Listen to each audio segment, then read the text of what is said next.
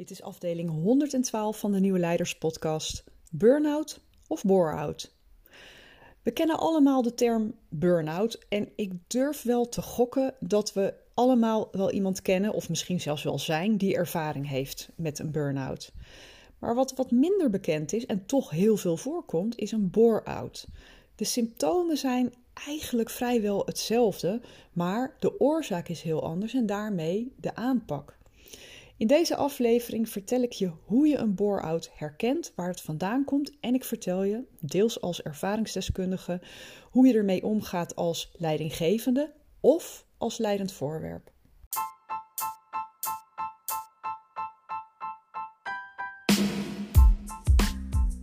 Nieuwe tijden vragen om nieuw leiderschap. Mijn naam is Petra Kuipers en vanaf deze plek neem ik je mee op onderzoek naar hoe we nieuwe vormen van leiderschap kunnen ontwikkelen in organisaties, in teams en, niet in de laatste plaats, bij onszelf.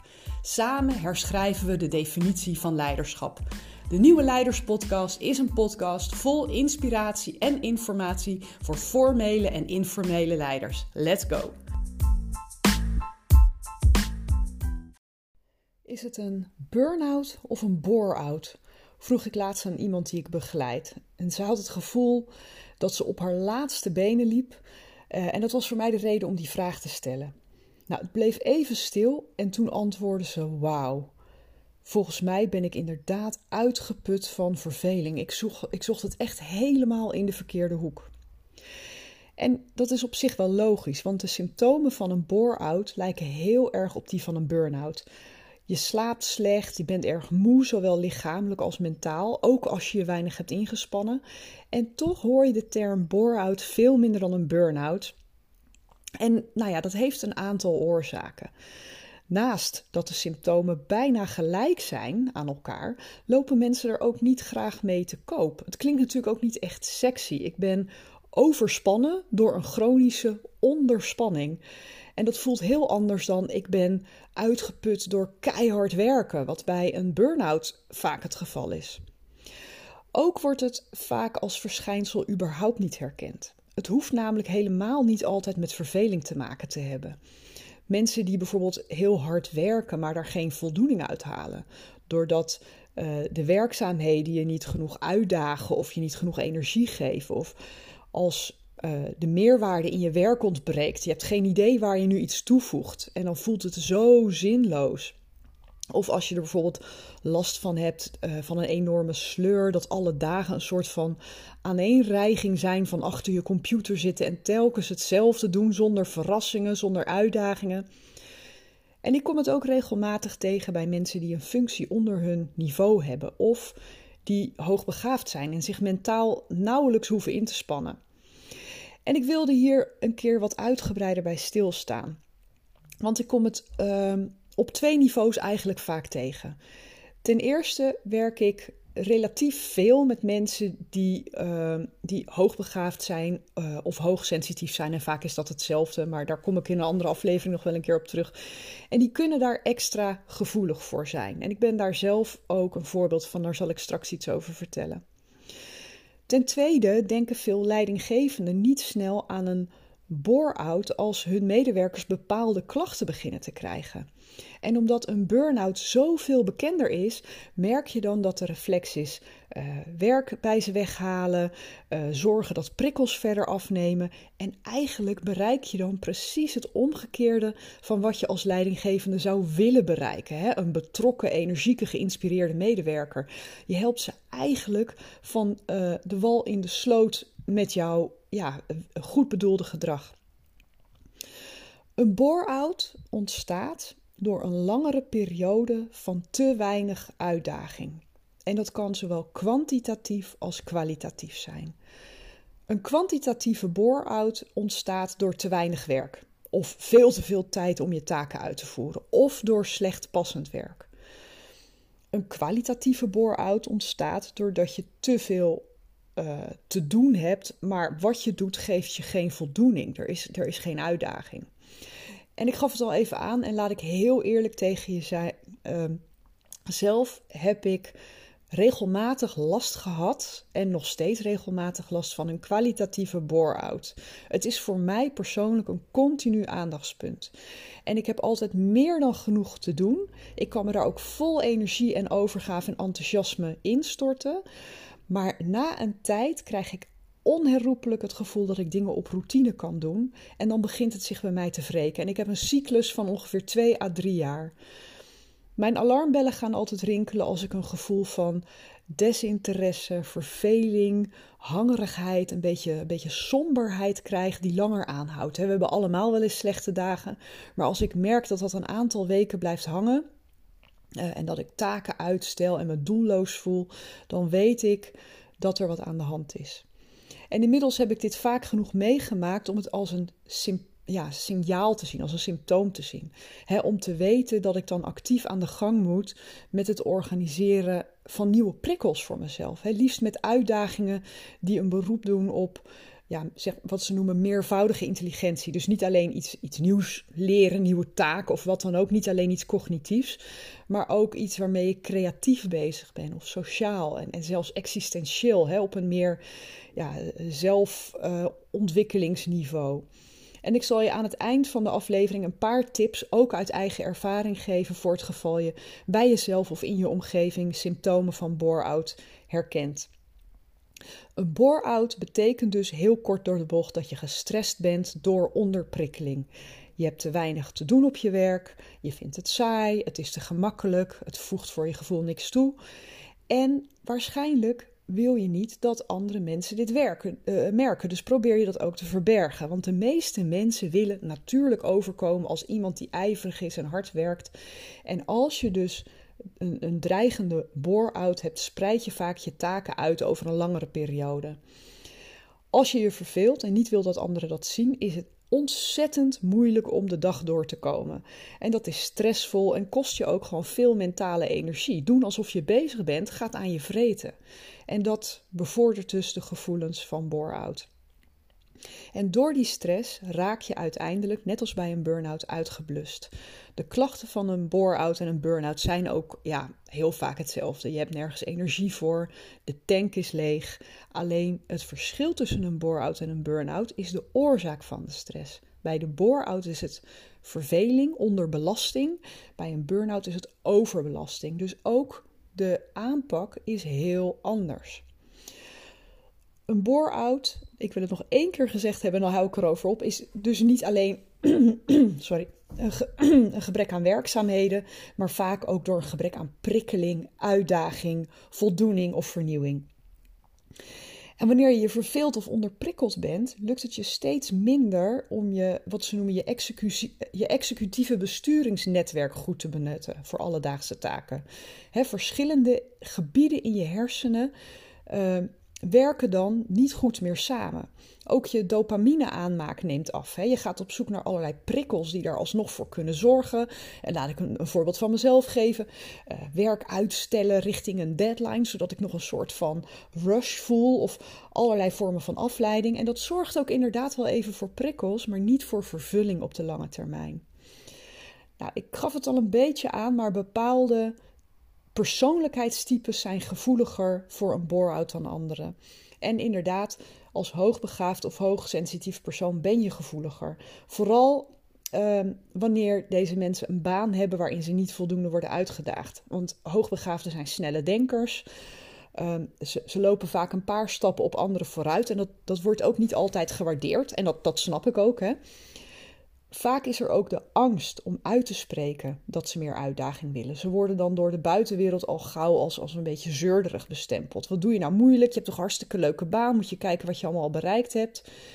En deze mensen hebben vaak meer en diepgaande en intense ervaringen nodig om zich lekker te voelen. En daarom is het ook lastiger om die dopaminevoorraad op peil te houden. Het resultaat is op zoek gaan continu naar prikkels die niet altijd de juiste zijn. Bijvoorbeeld uh, meer gaan eten of continu uh, op social media zitten, zitten scrollen, dat soort dingen.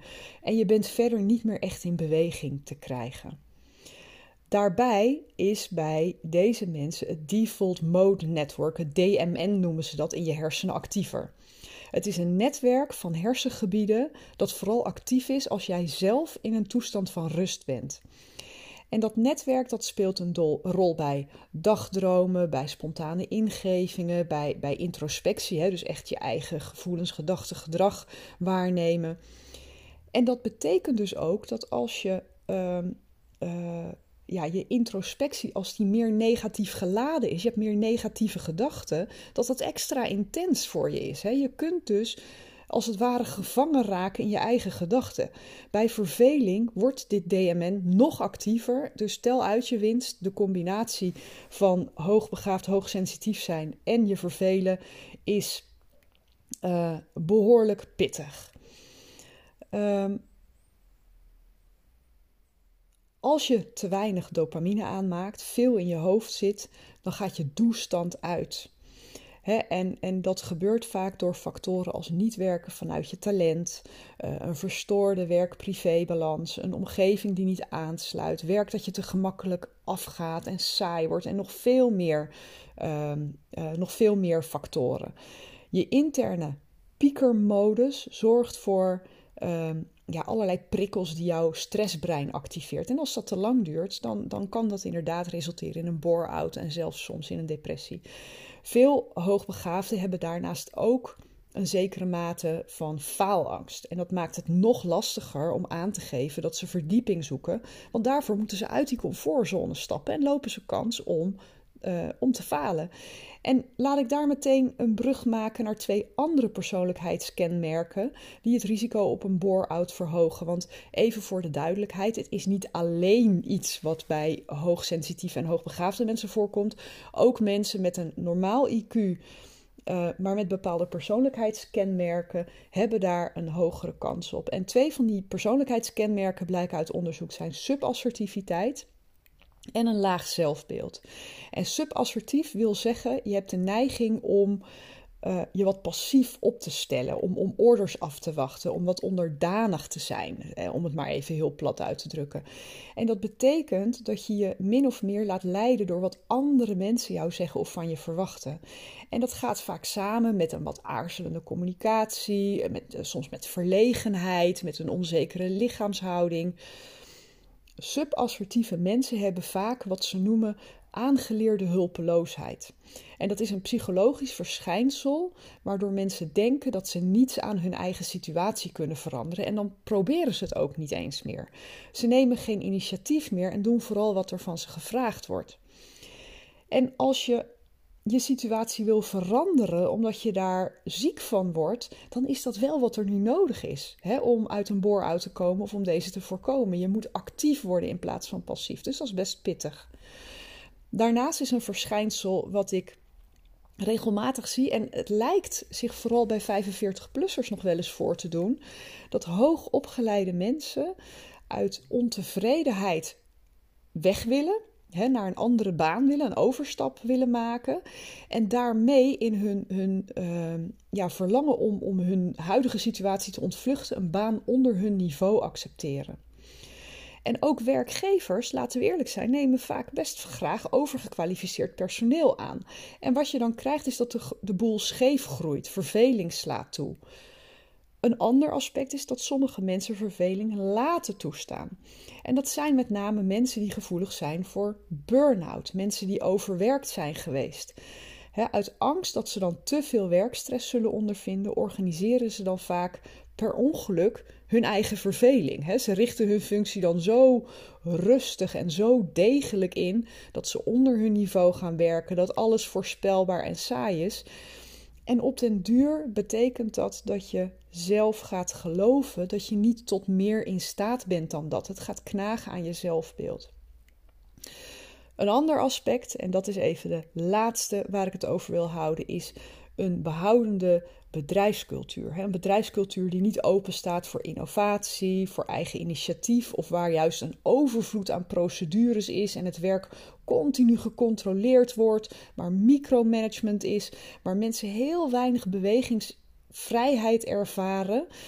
Ehm, daar ligt een bore-out sneller op de loer. Mensen hebben het gevoel dat, ze hun, ja, dat hun werk tot in detail vast ligt en dat innovatie of zelf nadenken niet gewaardeerd wordt. Daardoor worden ze passief en dat is, wat ik al eerder zei, een risicofactor.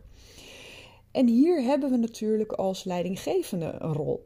Want hoe creëren we nu de condities waaronder mensen zich uitgedaagd, geïnspireerd, maar ook gewaardeerd, gezien voelen? Dus wees als leidinggevende alert op het gedrag dat je ziet en de signalen die je krijgt. En heel vaak weet een medewerker zelf, die, die last heeft van dat soort uh, kenmerken, symptomen, uh, ook nog niet precies waar de angel zit, waar, waar de schoen wringt. Dus het is ook goed om heel open het gesprek aan te gaan en te voorkomen dat je te snel een diagnose of een etiket plakt.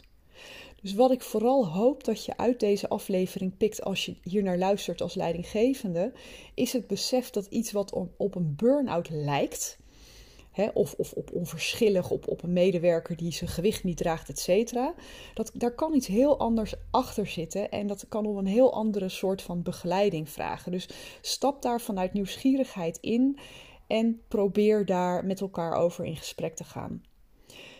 En ik hoop het niet voor je, maar misschien luister je dit en denk je: heb ik misschien zelf een bore-out of een dreigende bore-out?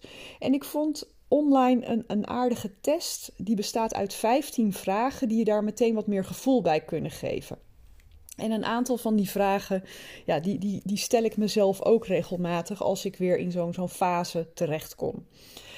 Um, laat ik ze even met je doornemen. Eén uh, is: doe je privézaken op het werk? Twee, voel je je niet uitgedaagd en verveeld? Drie, heb je heel veel vaste procedures op je werk die nooit veranderen? Vier, doe je soms alsof je heel druk bent terwijl je dat niet bent? Vijf, ben je moe en lusteloos als je thuiskomt van je werk zonder dat je een drukke dag hebt gehad? Zes, ben je ontevreden met je werk? 7. Heb je weinig eigen verantwoordelijkheden en bewegingsvrijheid? 8. Slaap je slecht? 9. Zou je je werk kunnen voltooien in minder tijd of zelfs veel minder tijd dan nu? 10. Merk je dat je veel taken uitstelt? 11. Merk je dat je nooit meer nieuwe dingen leert op je werk? 12. Ben je bang om van werk te veranderen? 13. Stuur je tijdens je werkuren privé-mails en ben je veel met privézaken bezig? 14. Zou je kunnen doorgroeien in je functie, maar heb je dat al heel lang niet of zelfs nog nooit gedaan? En de laatste 15. Heb je weinig interesse in je werk? Als je meer dan vijf van deze vragen met een ja beantwoordt, dan kun je in de gevarenzone zitten van een bore-out. Of misschien ben je er zelfs al als je mijn verhaal hebt gehoord en denkt van oeh, dat lijkt wel gevaarlijk veel op wie ik ben en wat ik doe. En dan is er meteen mooi nieuws, want herkenning van een bore-out is een hele goede start voor de oplossing van een bore-out hoe langer die verveling duurt, hoe moeilijker het is om jezelf weer te activeren. Dus bij de eerste tekenen van verveling onderneem meteen actie. En dat zeg ik ook als ervaringsdeskundige. En er zijn twee stappen die je kunt nemen of die ik altijd neem en waar je misschien je voordeel mee kunt doen. En de eerste is: wees heel eerlijk naar jezelf. Neem een reflectiemoment, neem de tijd, ga eens rustig zitten en ga eens na ehm, hoe ziet mijn leven er over vijf jaar uit of over tien jaar uit als ik niets verander? Wat voor beeld geeft me dat en wat voor gevoel maakt dat bij me los? Als dat heel erg het gevoel geeft van: oh nee, dat, ik moet er niet aan denken, dan geeft dat precies de urgentie die je nodig hebt om in deze staat van lethargie uit de startblokken te komen. Hoe moeilijk dat op dit moment ook is, omdat je hoofd naar hele andere dingen staat en omdat je heel uitgeput bent. Maar je wil die urgentie aanjagen om in beweging te komen. En de tweede stap is onderneem actie. Als je die urgentie eenmaal hebt, dan begint verandering als jij stappen onderneemt. En wat ik zelf altijd doe, is het bijhouden van een lijstje van activiteiten die me energie opleveren en die me energie kosten. Want van daaruit kun je meteen op dezelfde dag, op hetzelfde moment al kleine aanpassingen maken. En uh, bespreek bijvoorbeeld met een leidinggevende als je die hebt de mogelijkheid om iets meer uitdaging, iets meer werk te krijgen of taken die beter bij je passen. Of, en dat is wat ik vaak ook doe, het eerst zoeken in mijn privéleven. Dat is vaak makkelijker. En um, laat ik er meteen bij zeggen: het hoeft echt niet zo te zijn dat je hele leven op de schop moet voordat je energie weer terugkomt. Soms zijn het hele kleine aanpassingen die al verbeteringen uh, aangeven. Als ik weer eens vastloop, dan kijk ik naar mijn agenda en dan kijk ik naar de balans tussen energiegevers en energievreters en dan ga ik een beetje aan de knoppen draaien. Dan begin ik met kleine aanpassingen. Ik heb er een, een gewoonte van gemaakt om mezelf wat extra doelen te stellen om uitgedaagd te blijven. Bijvoorbeeld het trainen voor een hardloopevenement, uh, het leren van iets heel nieuws. En als ik kijk naar de afgelopen jaren, kan dat variëren van, uh, nou ja, ik heb een imkercursus gevolgd, een timmercursus, ik heb een leergang filosofie gedaan, nou, allemaal dat soort dingen. Maar ik daag mezelf ook elk jaar uit om iets te gaan doen, iets te gaan leren waar ik bang voor ben of een vooroordeel over heb. En dat helpt mij ook heel erg om geprikkeld te blijven. Nou, inspiratie kun je natuurlijk ook opzoeken in, uh, in boeken, in het, het bezoeken van inspirerende lezingen, van seminars. Gewoon is echt uit een andere omgeving opzoeken om geprikkeld te raken. Um, uh, het helpt heel erg om, om echt mijlpalen voor jezelf vast te stellen. Over een maand heb ik die en die training gedaan. Of voor het einde van de week heb ik dit gesprek gevoerd. En als dat lukt, dan is dat een ontzettende motivator om verder te gaan. Wat ook helpt, is je successen vastleggen. Dus elke week even terugblikken: waar ben ik trots op?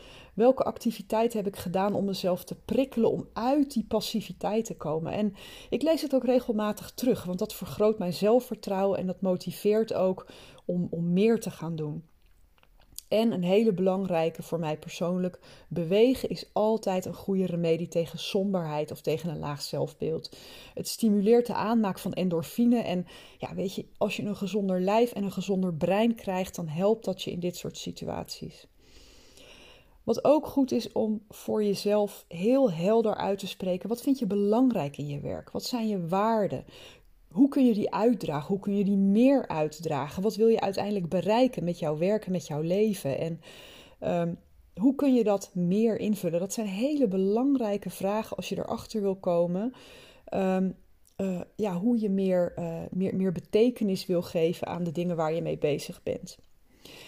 Eén ding voorop weet dat als je, uh, net als ik, leidt en echt leidt aan kwantitatieve bore-out regelmatig, um, gaat herkennen en waarderen. Gaat niet zien als een, een, een ziekte, als een, een, een stempel, maar gaat zien als een symptoom om in beweging te komen, om weer iets in je leven opnieuw uit te gaan vinden. Het is een hele krachtige uitnodiging om uh, dingen anders te gaan doen. En ja, ook al als je er middenin zit, voelt het niet zo. Eigenlijk is dat een cadeautje. Want als je deze prikkel niet krijgt, dan kan dat betekenen dat je aan het eind van je loopbaan of van je leven misschien heel ontevreden bent met wat je bereikt hebt. Uh, dat je altijd in je comfortzone bent blijven hangen. En deze, ja, dit discomfort, deze pijn of hoe jij het ook ervaart, kan je heel erg helpen om uit die status quo te komen en de dingen te gaan doen die echt voor jou bestemd zijn. Nou, ik hoop dat dit een inspirerende uh, aflevering voor je was. Of je het nu luistert als leidinggevende of als iemand die een dreigende bore-out heeft. Of iemand in zijn omgeving heeft met een bore-out. Hoop ik dat je wat inzichten en handvatten hebt opgedaan. Heb je er vragen of opmerkingen over? Vind ik het altijd hartstikke leuk als je me daar een mail over stuurt. Mijn mailadres is petra.deimplementatiedokter.nl En ik spreek je graag bij de volgende podcast. Dankjewel voor het luisteren naar de Nieuwe Leiders Podcast. Was deze aflevering waardevol voor je? Door hem te delen of een recensie achter te laten, help je nog veel meer mensen om de Nieuwe Leiders Podcast te vinden. En vergeet niet de podcast te volgen zodat je niets meer mist. Ik tref je graag bij de volgende aflevering.